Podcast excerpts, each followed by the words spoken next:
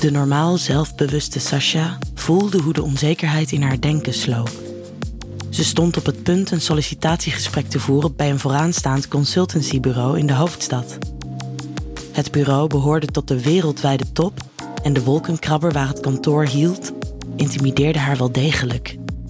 Binnen krioelde het van de mensen, allen op en top gestyled alsof ze zo uit een reclame van Chanel waren gelopen. Vandaar was ze naar de lounge op de 32e verdieping gebracht in afwachting van haar gesprek. Ze keek op haar horloge, nog vijf minuten voordat het gesprek plaats zou vinden.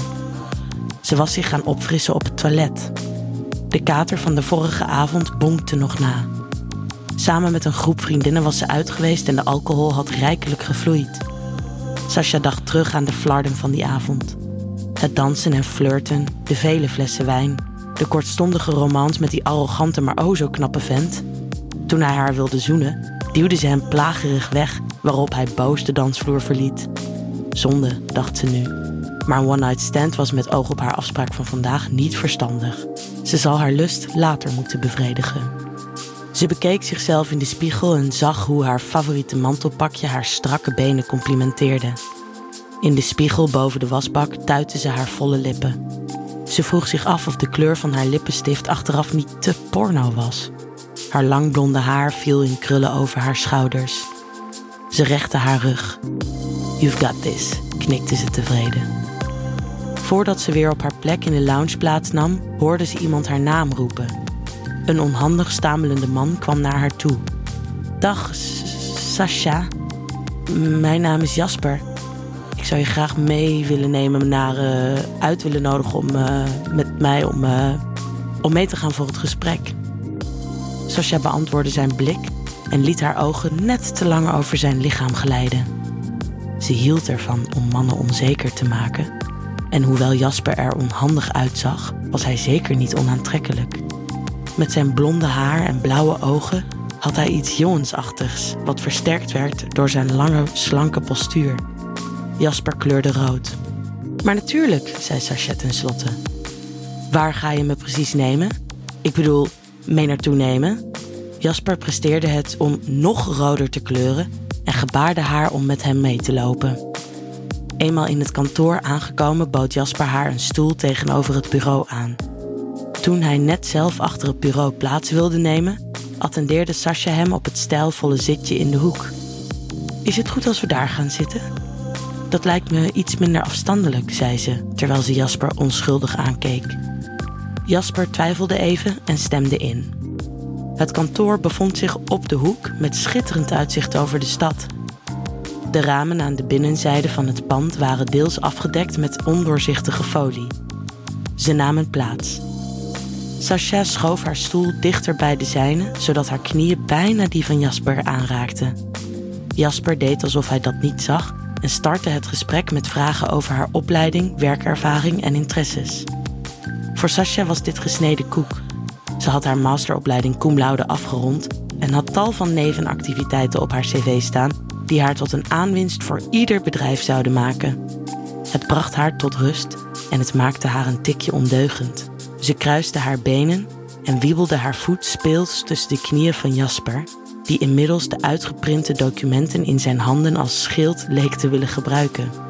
Langzaamaan bewoog ze haar voet met hoge hak richting het dijbeen van Jasper.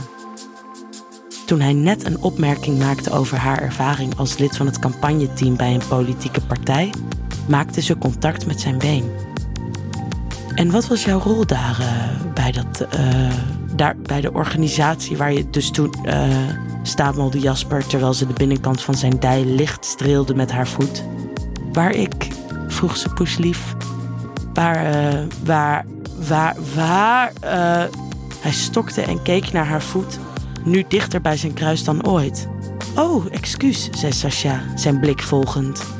Mijn hak prikt zeker in je been. Wat ontzettend onprofessioneel van mij, zei ze terwijl ze haar voet terughaalde. Dat is het onhandige ook van hakken dragen. Wacht, ik heb al een idee. Als gehypnotiseerd keek Jasper hoe Sasha uit haar hoge hakken glipte en haar in zwarte panty gehulde voet terugbracht naar zijn been.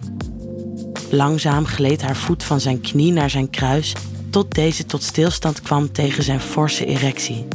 Jasper onderdrukte met moeite een kreun. Is dit zo beter? vroeg Sascha, terwijl haar voet zachtjes over zijn kruis streelde. Jasper sloot zijn ogen en maakte een onverstaanbaar geluid. Sorry, wat zei je? vroeg Sascha, nog strelend met haar voet. Dit is zo beter, fluisterde Jasper. Ja, zei Sascha, dit is zo veel beter. Ze voelde opwinding en genoot van de controle. Het was alsof haar voet Jasper compleet in zijn macht had, zoals ze daar over de lengte van zijn stijve penis op en neer wreef. Zijn ademhaling werd zwaarder, zijn handen wisten geen raad met de situatie. Ze luisterde naar het geroezemoes op de gang en vroeg zich af hoeveel verder ze durfde te gaan. De speelse tinteling in haar lichaam won het van de angst om betrapt te worden. Haar voet liet ze langzaam van zijn kruis afglijden. Jasper keek haar nu aan. Jasper, zei ze terwijl ze langzaam van haar stoel omhoog kwam, zou jij mij met iets kunnen helpen? Jasper stamelde. Zou je mij even willen zeggen of ik nat genoeg ben? Vervolgde ze, terwijl ze nu vlak voor hem stond. Jasper, nog steeds zittend, keek verbaasd op. Ik heb het gevoel dat ik echt behoorlijk nat ben, maar ik wil graag zeker weten. Zou jij dit kunnen nagaan? Ze pakte zijn trillende handen en legde die op haar dijen. Haar heupen waren op gelijke hoogte van zijn hoofd. Hij verlegde zijn blik naar de plek waar haar rok eindigde. Ze begeleidde zijn handen tot onder haar rok richting haar billen, zodat haar rok mee omhoog schoof. Hij kreunde. Ze voelde hoe zijn warme handen rustiger werden en soepel tot de rand van haar nylon panty gleden, tot waar haar jarretel begon. Met gesloten ogen genoot ze hoe zijn handen haar billen grepen en deze omsloten en zachtjes kneden. Zijn vingers onderzochten de ronding en werkten langzaam naar binnen, naar haar dijen toe. Ze bracht zijn handen naar de voorkant van haar heupen. Toe, voel maar even, zei ze. Jasper zocht met zijn handen de rand van haar zwarte slipje en voelde met zijn vingers onder de stof. Hij schoof haar slipje opzij en bewoog zijn hand naar het midden toe. Uh-uh, zei ze terwijl ze zijn hoofd vastpakte. Hij keek haar vragend aan. Niet met je handen. Nog steeds in trance begreep Jasper de boodschap. Hij bracht zijn handen nogmaals op haar billen en bewoog haar heupen richting zijn hoofd. Ze sloot haar ogen en voelde hoe haar hele wezen zich overgaf aan Jasper. Ze voelde zijn zware adem en anticipeerde op wat komen ging. Nog voordat Jasper haar daar aan kon raken, hoorde ze een stem de deur van het kantoor naderen. De klik ging naar beneden. Klik. Razendsnel werd ze terug in het heden geworpen. Ze duwde Jasper van haar af, streek haar rok naar beneden en plofte op de stoel neer. In haar ooghoek zag ze een zwart Armani-pak in de deuropening staan praten met iemand op de gang. Twee suikers, schat. Nee, nee, zeker geen cappuccino na twaalf uur, thanks, zei een mannenstem. Ze draaide zich een slag richting de deur. In de opening verschenen twee donkere ogen onder een volle bos zwart haar. Op zijn gebronste gezicht vormde een geamuseerde blik. Zijn mediterraanse uiterlijk, zijn brede schouders, ze brachten herinneringen op die Sascha niet direct kon plaatsen. Die ogen ken ik, dacht ze. Hij liep zelfverzekerd de kamer in, zijn blik op Sascha gericht. De beelden van de dansvloer de avond ervoor vloeiden terug.